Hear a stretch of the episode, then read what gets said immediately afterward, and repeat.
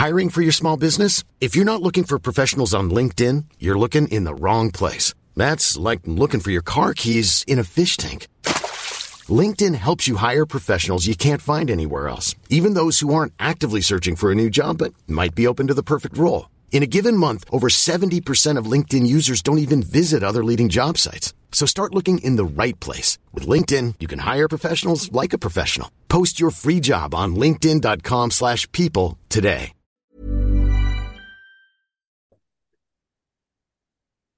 Halo pendengar GGMI Podcast, baik lagi bersama kita berdua dan menunggu bergulirnya pekan ke-37 MU untuk melawan Chelsea di hari Jumat, kita mengisi waktu luang untuk membahas rumor yang sedang ramai. Kalau kemarin-kemarin itu lebih fokusnya ke satu pemain, sekarang kita akan ngebahas dua pemain sekaligus karena ternyata ini rencana transfer dari manajemen MU yang katanya di ACC sama Ten Hag. Yaitu adalah Rosmus Hojlund dan juga Harry Kane. Penyerang dua-duanya tapi yang satu bisa lebih main ke wide forward, yang satu bisa dibilang sebagai potensial striker untuk jangka panjang. Tanggapannya Vin? Iya, um, gua ngelihatnya ini paket yang gak make sense sih. Karena harganya kan sama-sama mahal ya. Ini uh, gua nggak bahas tentang ini ya dulu ya, gak bahas tentang uh, tipe permainannya dulu ya. Tapi gua membahas bagaimana um, apakah paket ini adalah paket yang masuk akal atau enggak. Dan menurut gue sama sekali nggak masuk akal gitu. Karena kalau misalnya kita dapat satu aja, menurut gue itu udah bagus banget. Ini mau dua, menurut gue itu ya kita bermimpi di siang bolong lah, kasarnya gitu ya. Dan kita juga tahu ya Harry Kane ini harganya 100 juta dan kemungkinan besar dilepas tapi yang namanya negosiasi sama Levy ini kan nggak pernah mudah gitu. Jadi ada kemungkinan memang Levy ini bakal ngehold sampai akhir deadline gitu. Di mungkin uh, Agustus ya Agustus 31 gitu. Dan Ten Hag nggak ingin itu. Ten Hag ingin bahwa striker ini masuk ke dalam preseason berarti kan harus di awal bursa dan kalau kini seperti itu situasinya nggak mungkin gitu loh. Itu satu. Kedua Hojlund dia masih muda dia masih maybe 20 ya gue lupa 19 20 dan menurut gue dia belum siap lah untuk langsung main sebagai nomor 9 MU gitu. Apalagi dengan pressure seperti sekarang yang kita membutuhkan benar-benar penyerang yang sangat-sangat uh, prolific gitu.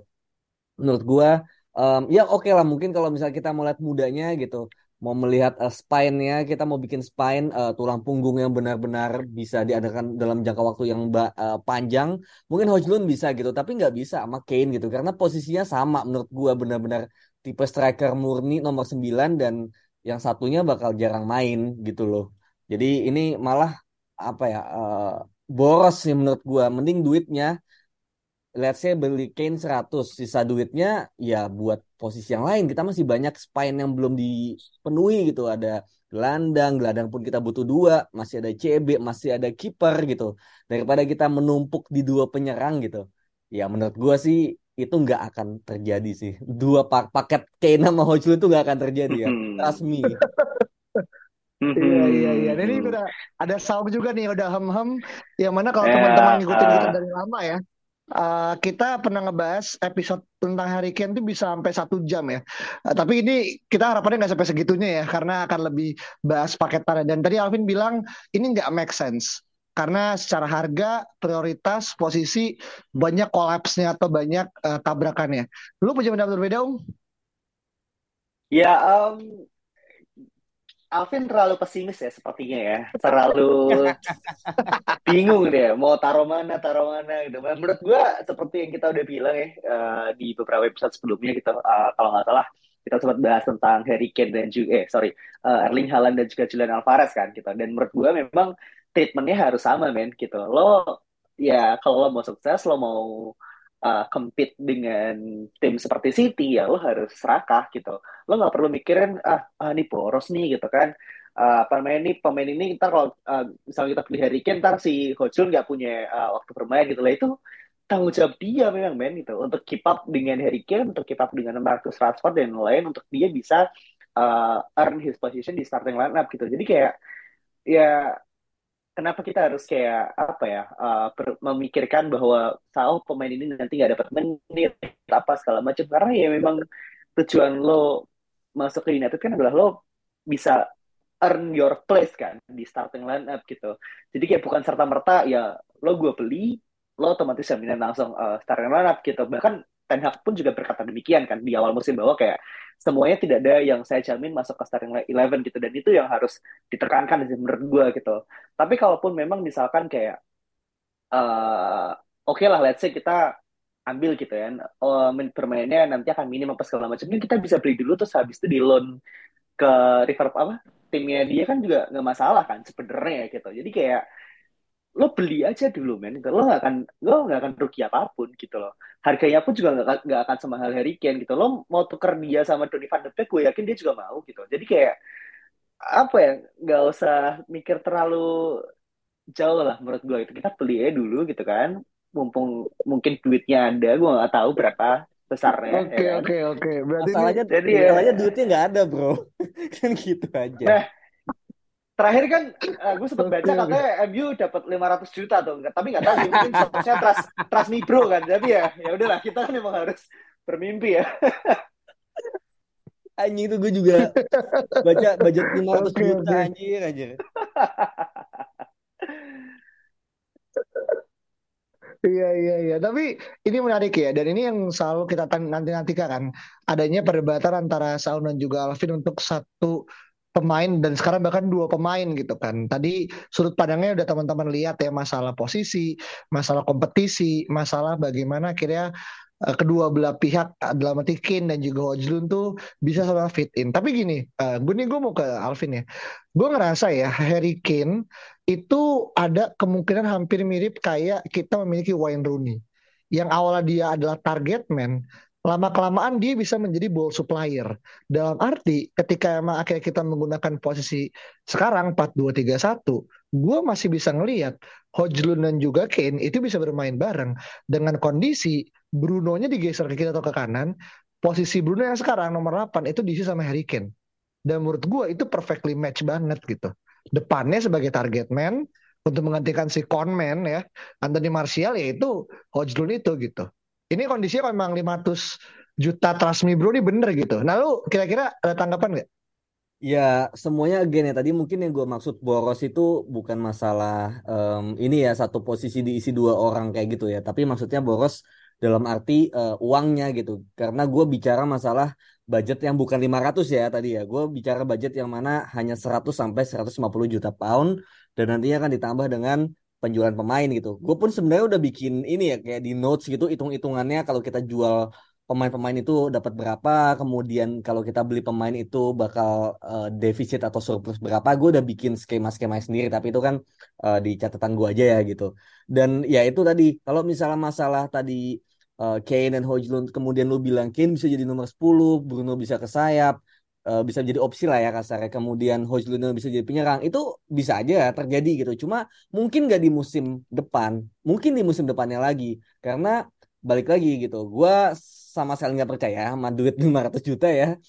200 aja udah nggak make sense gitu. Ini 500 gitu. Jadi menurut gue um, kita assume memang 100 sampai 150 juta gitu. Yang mana lagi-lagi beli dua penyerang dan kita melupakan gelandang CB dan apalagi kiper ya itu ya menurut gue sangat-sangat wasted sih di situ.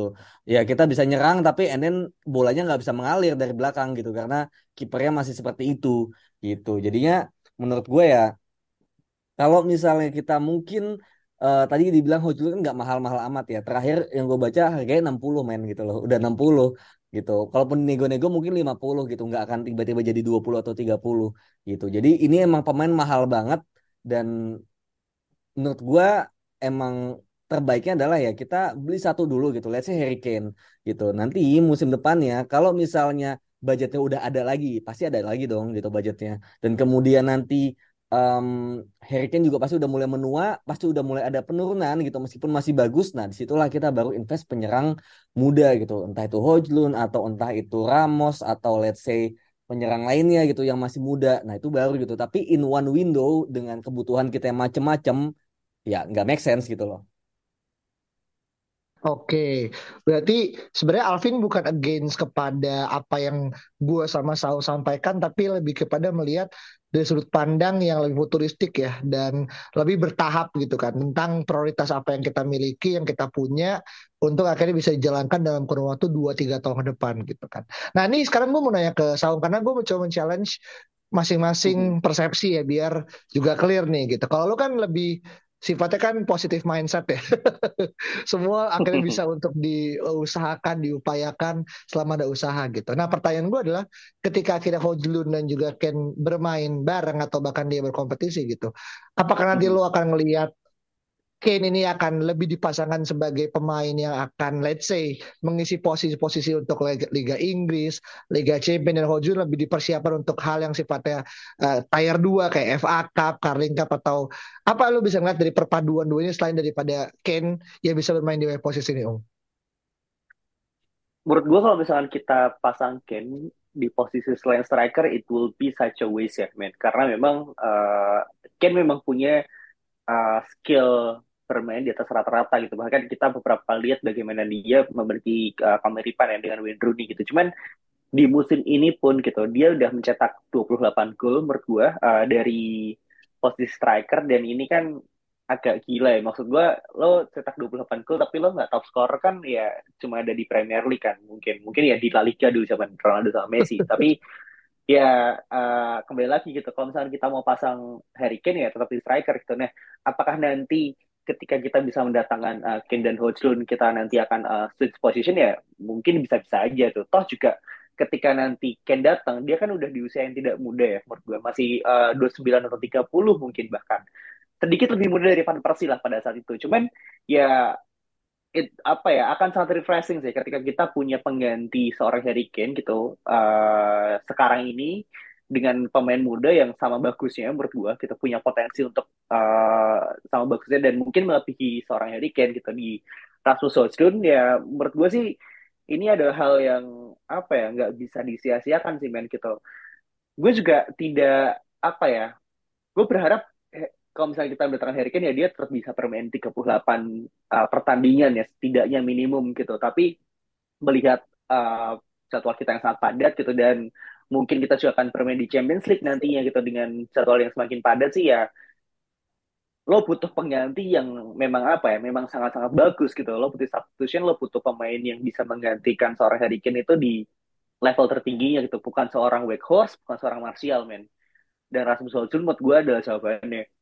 Hmm oke. Okay. oke okay, jadi ini uh, kalau akhirnya kita mencoba untuk mengutilize Kane di posisi yang berbeda bisa tapi was a talent karena dia juga lagi mekar-mekarnya ya dan 28 mm-hmm. gol untuk MU di musim depan misalkan menggunakan standar segitu ya at least kita masih bisa bersaing di papan atas lah mengingat kita juga masih punya rasanya nama-nama Rashford dan akhirnya masih bisa menyumbang lumbung gol selain daripada Kane yang minimal semusim 25 gol lah gitu ya kita targetin ya sebagai pembelian yang bisa bilang pasti nggak murah juga gitu. Nah, tapi gue pengen ngomong ke Alvin nih, Vin, masalah Hojlun. Ini kan pemain yang quote unquote terakhir kali kita ngebeli pemain dari Atalanta kan itu adalah Amat Diallo ya dan kita tahu bagaimana akhirnya orang-orang sekarang mulai merasa 40 juta euro tuh kemurahan gitu untuk Amat Diallo yang tampil bersinar bersama Sunderland gitu kan. Siapa yang bilang uh, gitu? Dan, apa? Siapa yang merasa kayak gitu? Ada gue di Twitter terbukti aja. Kemarin yeah, yeah ngerasa ada yang ngerasa kok oh, ini kita dapat still deal lah kalau bahasa ini ya barang tuh still deal gitu kan. Dengan usia yang masih muda potensi semakin tinggi apalagi merasa persaingan cuma sama Anthony gitu. Jadi kayak dia bakalan ya kok takut surprising lah gitu. Tapi Hojlu sendiri kan sekarang dia dibeli dari tim lokal di Norway ya uh, Digress gitu. Dan yang gue pengen tekankan adalah ini gue mengutip pada Daily Mail ya. Ini yang dia sadur juga dari Gian Piero Gasperini yang secara terbuka mengatakan kalau tipikal striker kayak Hojlund di era sekarang atau di ya at least di tahun ini lah gitu itu sangat few atau sangat sedikit gitu kan. Apalagi yang akhirnya usianya masih sangat muda 20 tahun. Gue nggak tahu apakah Gasperini yang akhirnya mungkin terlalu melebih-lebihkan atau emang dia sebagus itu. Menurut lu apa yang lo bisa tangkap dari uh, peran gas seperti tadi? Apakah memang ini lebih kepada strategi marketing untuk meningkatkan harga? Karena juga seperti bilang dia nggak bisa menahan lebih lama lagi Hojlun di Atalanta gitu. karena pemain ini pasti akan cabut cepat atau lambat gitu. Nah lu ngeliatnya gimana akhirnya praising dari seorang manajer kepada pemain mudanya, Vin? Ya praising manajer terhadap pemain mudanya itu wajar gitu dan cara dia untuk menjual Hojlund pun juga sangat wajar juga. Namanya kan dia juga uh, pemilik ya dan dia juga tahu pasti bakal ada klub yang akan datang untuk menawar dia gitu. Tapi memang gue pun bahkan kalau di YouTube ya gue nulis Hojlund itu ada yang langsung bikin comparison gitu.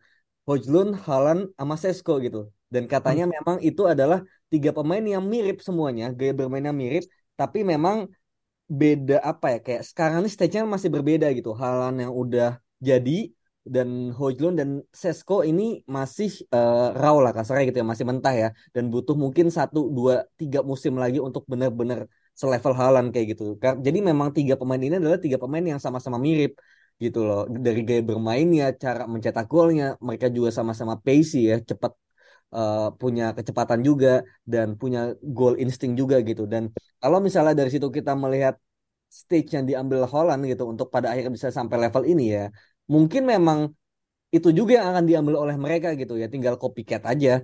Sesko pun dari uh, dari apa namanya, gue lupa nama timnya Salzburg.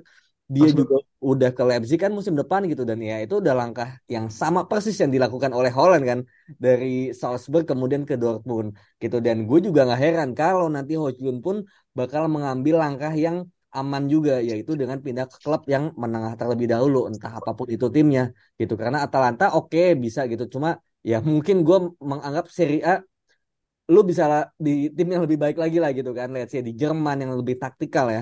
Di Jerman atau di maybe di Spanyol gitu.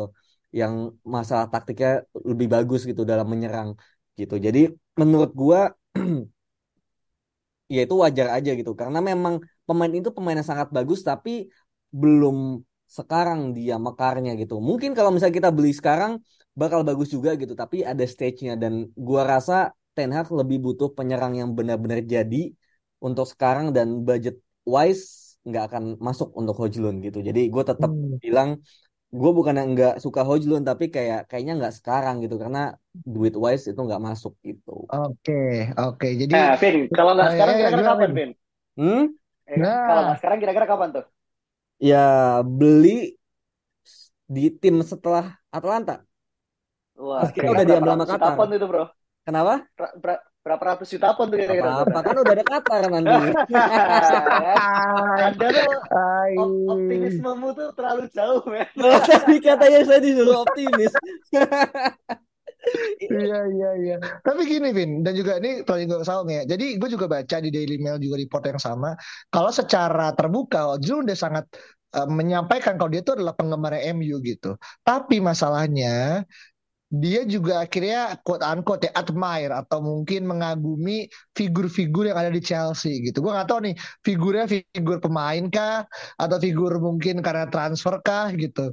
Jadi kalau misalkan takutnya ya, kalau misalkan sebagai antitesisnya Alvin adalah gue takutnya mungkin kita berharap Ojlund akan pindah ke klub-klub kayak let's say Bayern Munchen, eh sorry uh, Dortmund gitu, yang mungkin akan juara musim ini ya.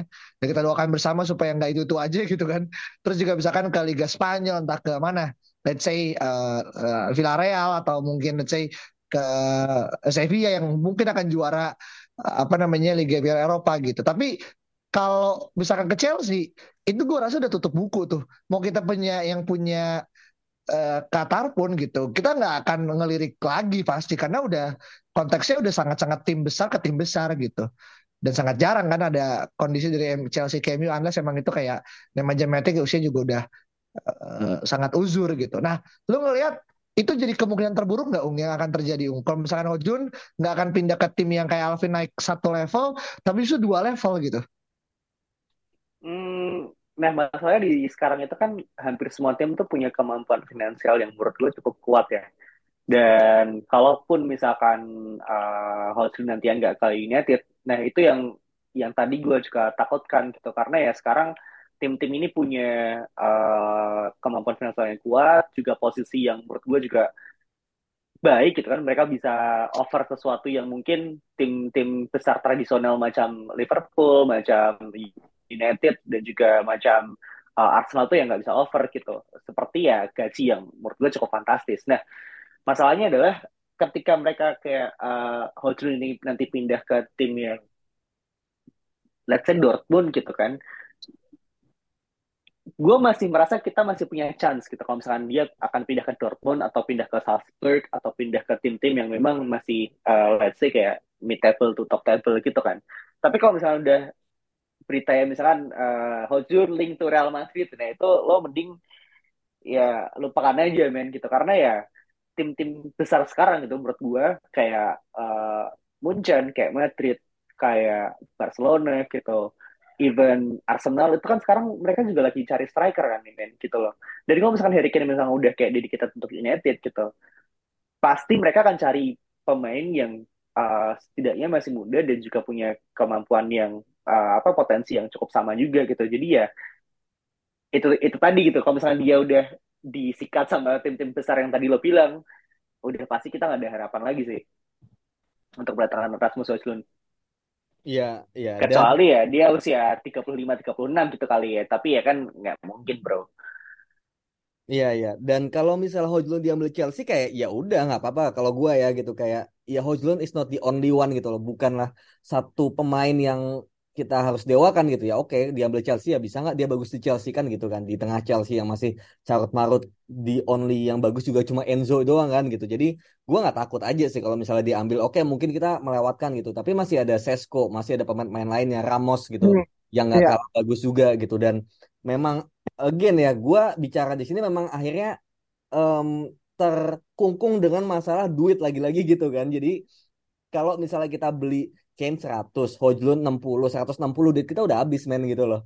Kita mm. ngandelin penjualan untuk membeli gelandang, membeli back tengah atau membeli kiper gitu. Yang mana penjualan juga belum tentu semuanya berakhir dengan manis kan kayak gitu. Jadi pada akhirnya kalau cuma berandai-andai uh, Hojlund apakah mau ke MU ya gue sih mau-mau aja gitu. Nggak ada yang nggak mau sih gue yakin semua fans gitu. Tapi kalau misalnya tadi uh, dibilang ada kemungkinan dia dicomot tim lain, menurut gue Chelsea bisa gitu kan. Madrid pun bisa karena mereka juga butuh pengganti Benzema kan. Barcelona juga kayaknya udah mulai harus mulai mencari ya meskipun gue yakin gak akan musim depan gitu. Kemudian Arsenal gitu ya mereka butuh pemain seperti Hojlund gitu. Jadi gue kalau misalnya mereka pin dia pindah ke Real Madrid gitu sih kayak ya udah nggak apa-apa. Gue merasa kita butuh untuk spine kiper back tengah daripada kita fokus di striker only gitu. Walaupun okay. nanti kita dapat budget tambahan dengan menjual Maguire 100 juta lo tetap yang beli ini kayak yang beli Johor Tazim itu kayak Maguire satu juta. Iya iya iya iya. Oke oke oke. Ini jadi sebenarnya perdebatan Hojlun paketan sama Ken ini menambah kompleksitas ya. Dan tadi yang gue tangkap ya Iya dua-duanya sebenarnya Alvin dan juga Saung sangat setuju dua pemain ini akan hadir gitu. Hanya permasalahannya Alvin lebih ke masalah budget, permasalahan lebih kepada akhirnya bagaimana bisa utilize dua-duanya supaya yang satu bisa tetap nyetak 28 gol setiap musim minimal, yang satu bisa jadi suatu orang yang mungkin entah super sub atau mungkin kita bisa taruh dia di posisi yang berbeda. Karena setahu gua, Hojul kan kaki kiri ya. Mungkin, mungkin kita akan menggunakan cara yang sama ketika kita treat Mason Greenwood untuk akhirnya sebagai sayap kanan gitu kan. Bisa jadi ya insert forward gitu kan. Jadi itu yang mungkin masih bisa menjadi suatu potensi dari keberadaan Hojlund dan juga Kane sebagai paketan dalam satu musim yang sama gitu. Terakhir banget untuk Saung dan juga Alvin, posibilitas dua pemain ini akan datang secara paketan 0 sampai 10 dianggap berapa? Ini siapa? kira-kira Gua. Gua, gua nol, iya, iya, iya. gua nol, gua bilang nol. Oke. Ini bersamaan dalam satu window kan? Iya. Ya nol. Hmm. Singkat ung, sepuluh ung. Gua uh, tiga. Lu aja gak yakin anjing. Lu aja gak yakin anjing. kayaknya ini ya. Kayaknya lebih yakin kalau Coldplay konser tiga hari kayaknya. Ya. Iya bener. ya, memang kembali lagi masalah masalahnya ini ya uh, duit ya bro.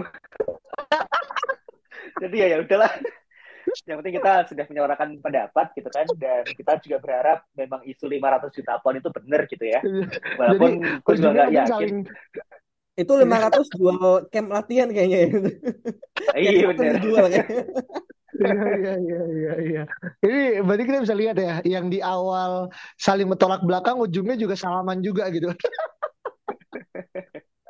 Jadi mungkin untuk kali ini hanya panas di awal, tapi dingin di akhir. Kalau teman-teman lihat di episode sebelum ini ya, eh, kita bisa sangat-sangat tense ya intensinya gitu. Tapi ini kita akhirnya find mutual agreement bahwasanya uang adalah pemisah dari dua orang ini akan datang dalam bursa musim yang sama gitu kan. Tapi kalau teman-teman punya pendapat berbeda dan juga punya opini yang mau untuk disampaikan, silakan balas aja reply Twitter ini di tweet ini. Dan juga jangan lupa untuk kasih bintang 5, follow Spotify kita dan mohon kalau bisa rezeki silakan bisa kunjungi link Saweria yang sudah kita bagikan juga. Kita ketemu lagi pada episode berikutnya. Bye bye. Planning for your next trip? Elevate your travel style with Quince. Quince has all the jet setting essentials you'll want for your next getaway, like European linen, premium luggage options, buttery soft Italian leather bags, and so much more. And is all priced at 50 to 80% less than similar brands. Plus, Quince only works with factories that use safe and ethical manufacturing practices. Pack your bags with high-quality essentials you'll be wearing for vacations to come with Quince. Go to quince.com slash pack for free shipping and 365-day returns.